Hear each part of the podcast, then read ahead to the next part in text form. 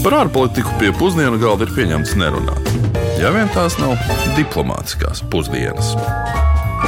Labdien! Jūs klausāties diplomātiskās pusdienas. Ar jums kopā Uģis Lībēts un dr. Kārls Bukovskis. Un šīs dienas raidījums vedīs mūsu ceļojumā uz Centrālamerikas valsti Hondurasu, jeb Hondurasas republiku. Apmēram 7 gadsimtus Hondurasas teritorijā valdīja māju civilizācija, līdz pat 10. gadsimtam mūsu ērā. Kopana pilsēta, kas tiek uzskatīta par māju civilizācijas galvaspilsētu, ir viens no UNESCO mantojumiem, kas atrodas mūsdienu Hondurasas teritorijā.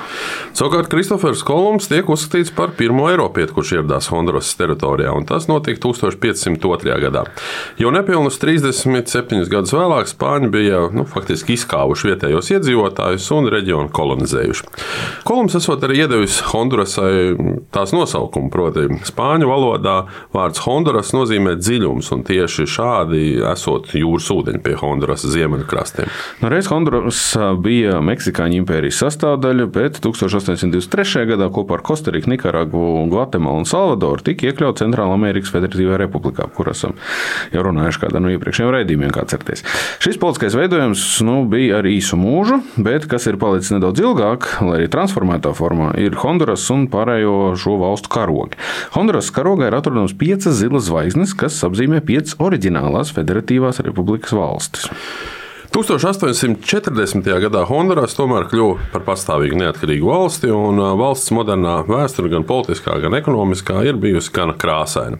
Un viens no zīmīgākajiem faktiem, protams, termins Banānu republika. Arī esam par to stāstījuši, par šo visai pazemojošo terminu, kas ir izdomāts, lai apzīmētu mazas, korumpētas, nabadzīgas, slikti pārvaldītas un visbiežāk Latvijas Amerikā atrodamas valsts. Nu, tad, lūk, Honduras ir tā oriģinālā valsts, kam šis termins savulaik tika piemērots. Nu, kā var nojaust, tad termins ir saistīts ar amerikāņu ietekmi valstī 19. gadsimta beigās un visu 20. gadsimta garumā. ASV kompānija United Fruit Company faktiski pārvērt Honduras par vienu lielu banānu plantāciju un guva no šī liela peļņu. Peļņas saglabāšana bija arī iemesls, kādēļ ASV iejaucās vairāk militāro huntu darbībā un revolūcijās, un tās arī attiecīgi rīkoja. Rezultātā Hondurasai īsti neizdevās izveidot patstāvīgu, spēcīgu ekonomiku, un mūsdienu status kā vienai no nabadzīgākajām valstīm Amerikās, abās divās kopā ņemot kontinentos, nu, tam ir tāds, tāds kā skumjš piemērs. Nu, otra valsts, kura tika šādi eksploatēta, bija Gvatemala, un termina autors esot amerikāņu rakstnieks O'Henrijs. Nu, viņš pat ir sarakstījis grāmatu ar nosaukumu Kāposti un karaļi, nu, balstoties uz savu pieredzēto Hondurasā. United Fruit Company, starp citu, mūsdienās saucās Čikita, un tā operē no Šveices. Kompānija cits starpā ir finansējusi arī terorismu, un vispār ir ļoti, ļoti sliktu slavu mūsdienās. Nu, palsiet paši, ja sanāk, pirms nākamreiz veikalos šīs kompānijas radītos produktus ēdat. Man ienāca uzreiz prātā 90. gadu laiks, kad parādījās mums pirmās lielās reklāmas, un tur bija tas čika, čika, čika, čika, precīzi. precīzi. Bet tā, pirms mēs klausāmies Ulu Česbera sarūpētos Latvijas iedzīvotāju viedokļus par Hondurasu, vēl viens interesants fakts. Hondurasā ir arī divas galvaspilsētas, un abas ir ierakstītas konstitūcijā. Viena saucās Teguci Galpa, un otra ir Komaja Guela. Valdības institūcijas gan ir atrodamas Teguci Galpā, bet nu gan par to, ko tad mūsu tautieši zina par Hondurasu. Āfrikas, man liekas, republika Honduras. Karsts noteikti. Dienvidamerikā. Jā, es esmu dzirdējis, bet neprasiet, kur viņi atrodas. Vairāk ar tādiem tā kā ne ar labo šķiet, ka ar sliktu kaut kādu tie pirāti, ne pirāti, kaut kas tāds nu, iekšējs tur cīņas arī. Dienvidu Āfrika. Nē, bet Amerika blakus kaut kāda Ekvadora varētu būt vēl kaut kas. Latvija Amerika, Bardaks. Bardaks, politiskā nestabilitāte, nabadzība, nu kaut kā tā bīstamība. Latvijā, Amerikā kaut kur. Nabadzība, noziedzība. Tur ir nenoteikti, ka turisti negribētu braukt. Par Honduras runājot, gribi vai negribi, ir jāpiemina primāri jau vardarbība un noziedzība. Valsts ir otra vardarbīgākā Latvijā un arī viena no noziedzīgākajām valstīm visā pasaulē. Slepkavības, bruņotas laupīšanas, cilvēku nolaupīšanas tā faktiski ir ikdiena. Narkotika tirdzniecība, cilvēku tirdzniecība, izvarošanas, bandu aktivitātes normāla parādība, jo policijai vienkārši trūkst resursu visu to izmeklēt. Nu, jāsaka tā. Pavisam nemīlīga valsts, uz kuru varbūt braukt ciemos. Bišķirjā, un policija, gan jāsaka, arī bieži vien nemaz nav nevardarbīga. Jo, piemēram, tādā pašā 2002. gadā Honduras policija reidu laikā, nu, reidu rezultātā pamanījās noslapkavot pēc ANO aprēķiniem apmēram pusotru tūkstotu uz ielām dzīvojušu bērnu un jauniešu. Nu, noziedzības pamatā nav nekas cits kā nabadzība, un visi šie faktori kopumā rada bezcerību Honduras sabiedrībā, un emigrācija no valsts, sevišķi uz ASV, notiek visnotaļ lielos apjomos. Un šā brīža migrantu krīze uz ASV dienvidu robežas. Nu, ne jau meksikāņi vairs ir tie galvenie migranti, bet gan cilvēki no tādām valstīm kā Honduras, kuri bēg no augstiem vardarbības, un nabadzības un bezcerības apstākļiem. Daudzus gadus Hondurasā bija reģistrēts augstākais slepkavību skaits pasaulē, un valsts pamanījās to samazināt, lai arī vēl joprojām ir starp top 5 sešām valstīm ar apzinātu 35,1 slepkavību uz 100 tūkstošiem iedzīvotāju. Latvijā šis rādītājs nu, salīdzināmā ir 3,6. Nu, mēs esam kaut kur nu, apmēram pa vidu pasaulē šajā rādītājā. Jā, respektīvi, daudzās valstīs ir daudz, daudz mazāks rādītājs. Tiek rēķināts, ka 9,5 miljonu iedzīvotāju nelielajā valstī Hondurasā ielu bandās ir apmēram 10 tūkstoši cilvēku. Un bandu dzīve, kā zinām, ir pilna ar vardarbību, lecīgumu, mačo kultūru, ballītēm, alkoholu. 2008. gadā profesors Dr. Adrians Painis rakstītā grāmata etnogrāfiskais pētījums ar nosaukumu Strādājot smagi, dzerot smagi par vardarbību un izdzīvošanu Hondurasā parāda hondurasiešu vidū izplatīto izpratni par sevi, ka dzer visi un attiecīgi arī sit visi.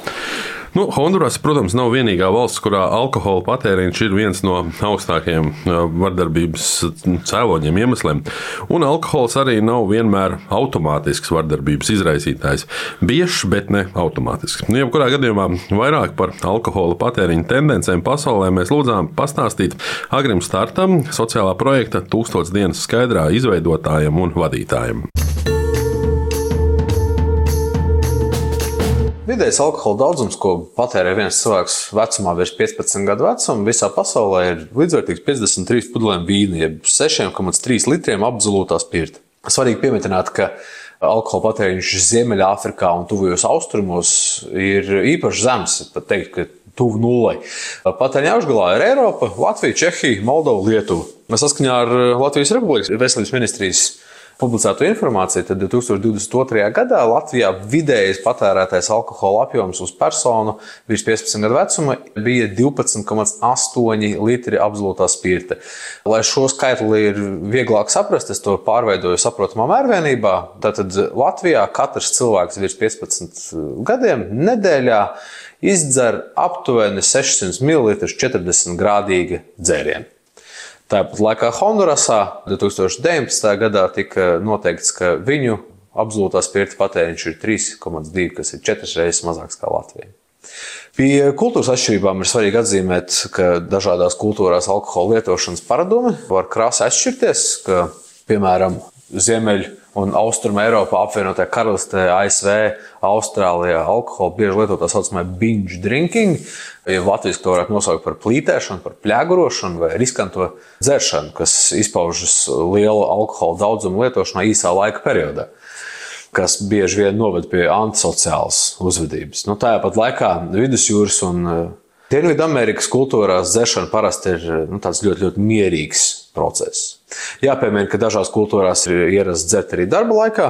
Par Krieviju runājot, piemēram, viņiem ir tāda tradīcija, biznesa darījums noslēgt ar, ar degvīnu glāzi. Ja. Francijā, piemēram, ar savām uh, senajām vīna darīšanas uh, tradīcijām. Viņi, piemēram, skolēniem pie pusdienām vīnu pārtrauca dot tikai 1956. gadā. Un 1981. gadā viņi saprata un aizliedza alkoholu tirgot skolas telpās. Un šis, manuprāt, ir ļoti labi parāda dažādas kultūras eh, atšķirības par to, kā bērni tiek iepazīstināti ar, ar, ar alkoholisko dzērienu pasauli. Piemēram, rietumos un eh, Eiropas kultūrā diezgan bieži tiek piekopts, ka vecāki vai tuvinieki ļauj saviem bērniem pirmo reizi pamēģināt alkoholu, lai samazinātu trauksmainību, kas saistīta ar, ar šo dzērienu lietošanu. Pastāv būtisks atšķirības arī izpratnē par alkohola dāvināšanu, jo pie mums un, un, un Eiropā bieži vien alkohola pudeļu dāvināšana ir uzskatām par pilnīgi normālu un, zināmā mērā, pat tādu statusu apliecinošu darbību, tad musulmaņu valstīs alkohola piedāvāšana un, un dāvināšana var tikt uzskatīta par ārkārtīgi aizskarošu žestu. Nu, tad nedaudz par statistiku. Tad eh, saskaņā ar Allied Market Research datiem alkohola industrija 2021. gadā pasaulē bija aptuveni 1,5 triljonus eiro vērta un tiek prognozēts, ka līdz 2031. gadam tas sasniegs jau 1,8 triljonus. Kā vadošie lielākie industrijas pārstāvji, jāpiemina Beļģijā reģistrētais Anheuser-Busch, kur ikgadējā peļņa lēšama 52,45 miljardos eiro un viņi ražo ap 500 dažādu alus veidus. Otrajā vietā Britu Diageo, kas ražo viskijas, džinus un citus stipros alkoholiskos dzērienus, un nopelna ap 16 miljardiem eiro. Latvijā labāk zināmais Dānijas koncerns Karlsberg grupa, kuru sastāvā ir arī pašmāja Alders, gadā nopelna ap 9 miljardiem eiro. Kopumā pasaulē ik gadu tiek patērēta 446 miljardi litru dažādu alkoholisko dzērienu, no kuriem absolūtais dominants, protams, ir alus un sidrs. Tie ir nepilni 397 miljardi litri, kam seko vīns ar nepilniem 26 miljardiem un stipri alkoholiskie dzērieni 23 miljardi litri gadā. Jāpiebilst, ka Hondurasā arī ir savi tradicionālie un nacionālie alkoholiskie dzērieni, kā piemēram čiča kas ir raudzēts kukurūzas dzēriens, to iegūst fermentējot kukurūzu ar ananāsu mizām un citiem augļiem. Nu, vērts pieminēt ir arī guifiti un horčata. Un noslēgumā man pienākums ir atgādināt to, ka alkohols saskaņā ar Pasaules veselības organizācijas un veselības ministrijas datiem, ir kaitīgs cilvēka organismam jebkādos daudzumos. Hondurasas ekonomika vajā arī daudzas citas likstas, eh, kas nekādi neļauj valsts izrauties no nabadzības sekmētās eh, vardarbības kultūras tradīcijām. Valsts ekonomikas nozīmīgākā daļa vēl joprojām ir lauksaimniecība, un tā veido vairāk nekā 15% no IKP. Banāni, kafija un garneles ir tie galvenie eksporta produkti. Un arī Latvijā ir raksturīgās makiladoras. Ir fabrikas, kuras no izējuma materiāliem ražo gatavos produktus uzreiz eksportam. Hondurasā ir trešais lielākais pasaulē nu, relatīvais makiladoru skaits uz valsts ekonomikas izmēru. Makiladors parasti operē kā arī kā beznodokļu zonas un nodarbina ļoti lielu skaitu cilvēku. Tās ir arī bēdīgi slavenas gan vidēji nodarītā piesārņojuma dēļ, gan arī strādnieku tiesību neievērošanas dēļ. Nu, viens tāds bēdīgs piemērs - Makeledorā strādājošām sievietēm, piemēram, ir aizliegts palikt stāvoklī. Jā, Honduras ekonomikas viena no visbūtiskākajām iezīmēm ir arī nevienlīdzība. Un nevienlīdzības rādītājos Honduras bieži ir bijusi starp pasaulē nu, vissliktākajām valstīm un ir rekordisti arī visā Latvijas Amerikas valstu grupā. Turklāt nevienlīdzība Hondurasā tikai pieaug, nevis samazinās. Ekonomiskā nevienlīdzība Hondurasā parādās tik būtiskos rādītājos kā dzīves ilgums, kur bagātie piedzimstot tiek rēķināts, ka nodzīvos apmēram 20% gadu ilgāk nekā nabagie. Izglītības iegūšanas iespējās ir vēl lielāka atšķirība ienākuma atšķirība ir vislielākā. Nu, rezultātā aprēķinot pēc cilvēka attīstības indeksa, zaudējums valstī no tā, ka cilvēkiem nav iespējas vienlīdzīgi īstenot savu aprēķināto potenciālu, ir viens no pašiem lielākajiem pasaulē. Valsts IKP uz vienu iedzīvotāju ir tikai sešas reizes zemāks par Latviju. Sistemātiskā korupcija, vardarbība, arī trauslās lauksaimniecības preču cenas pasaulē ir iemesls, kādēļ Hondurasai nu nekādi neizdodas atgūties un arī audzēt savu ekonomiku. Papildus, piemēram, vēl bija tāda viesuļvētra Mičs, kas 1998. gadā ne tikai nu, izraisīja nepilnu 6000 cilvēku nāvi, bet arī gandrīz 2 miljardu eiro zaudējumus, kas tobrīd faktiski bija trešā daļa no visas valsts saimniecības. Nu, īpaši cieta banānu un rīsu audzēšanas biznesa, un valsts ekonomikai vienlaicīgi pozitīvi uztur lielais apjoms ar naudu, ko hondurasiešu diaspora sūta atpakaļ uz mājām. Bet nu, tas nekādā gadījumā nerisina problēmu, ka zem nabadzības sliekšņa dzīvojošo cilvēku skaits tikai pieaug, un šobrīd jau sasniedz gandrīz 70% no visiem valsts iedzīvotājiem. Lai cik būtu paēdis, vienmēr ir vieta arī desertam. Un deserts mums šodien arī tāds nevisai salds. Runa būs par visnotaļ savādu situāciju, bet Latvijas Amerikas futbola kaislībām pat nu, visai piedarošu. Proti, stāsts ir par 1969. gadā notikušo futbola karu, jeb 100 stundu karu starp Honduras un tās kaimiņu valsti Salvadoru. Šis četras dienas ilgušais konflikts prasīja aptuveni 3000 cilvēku dzīvību un vēl papildus arī tūkstošiem ievainoto. Un runa ir par 1970. gada FIFA pasaules kausa kvalifikācijas eh, turnīra eh, trešo maču starp abu valstu izlasēm. Abas izmisīgi vēlējās kvalificēties fināla turnīram, jo nevienai tas iepriekš nebija izdevies. Un spēle notika Meksikā, Atsteka stadionā, un pēc pamatlaika beigām rezultāts bija 2-2. 11. papildu laika minūtē Salvadorieši iesit vārds un uzvarēja. Abas komandas atsveicinājās un devās prom. Viss mierīgi, viss kārtībā. Pēc trim nedēļām abas valsts jau karoja viena pret otru. Futbola mačs gan bija tikai katalizators plašākam konfliktam, kas tāpat jau bija briedis kādu laiku. Proti, Salvadoras teritorija ir daudz mazāka nekā Hondurasai, tādēļ 60. gados desmitiem tūkstoši salvadoriešu zemnieki bija pārgājuši pāri robežai un sākuši apstrādāt daudz auglīgāko Hondurasas zemi. Tas, protams, nepatika hondurasiešu zemniekiem, kuri gribēja tomēr paturēt tiesības uz valsts zemi savā īpašumā.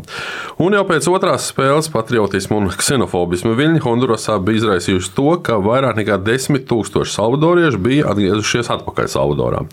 Viņu vajāšana, pazemošana un vardarbība pret tiem izraisīja Salvadoras lēmumu tomēr uzbrukt Hondurasai. Sākās karš, kuru nomierināja tikai ārvalstu iejaukšanās. Nu, kā jau šādos konfliktos, bieži vien visvairāk bojā gājušo bija tieši civiliedzīvotāji. Šim karam iemesli bija gan nedaudz citi, kā varētu sākotnēji šķist, un rezultāti arī daudz tālajošāki. Proti, patiesie iemesli bija sociāla, ekonomiskā un īpašuma tiesību nevienlīdzība gan Salvadorā, gan Hondurasā, kad nelielai grupiņai bagātu zemes īpašnieki piederēja plašas lauksaimnieciskās teritorijas. Un zemnieki patiesībā centās tikai iegūt labākus dzīves apstākļus, mainot situāciju, kurā viņus bija nostādījuši viņu pašu valstu un sabiedrību nevienlīdzīgās ekonomiskās ekonomiskās sistēmas. Rezultāti bija tālajoši, izraisīja ne tikai tirdzniecības un diplomātiskos karus starp valstīm, kas vēl šobrīd nav īsti norimušies, bet bija arī iemesls vēlākajam pilsoņu karam Salvadorā, kas prasīja jau vismaz 70 tūkstošu cilvēku dzīvības. Par pašu Salvadoru gan atgādināšu, ka varat noteikti arhīvā atrast un diplomātsko pusdienu raidījumā noklausīties. Esam par šo valsti jau runājuši. Un es noslēgumā vien atgādināšu, ka mūsu raidījumus ir iespējams klausīties ne tikai arhīvā, bet droši variet, variet klausīties arī nākamos raidījumus. Un pats tuvākais būs jau pēc nedēļas, un tad mēs dosimies uz Burkina Faso. Kur tā ir un ar ko īpaša? Par to runāsim jau nākamajā nedēļā, bet līdz tam, lai izdodas. Uz nu, sadzirdēšanos!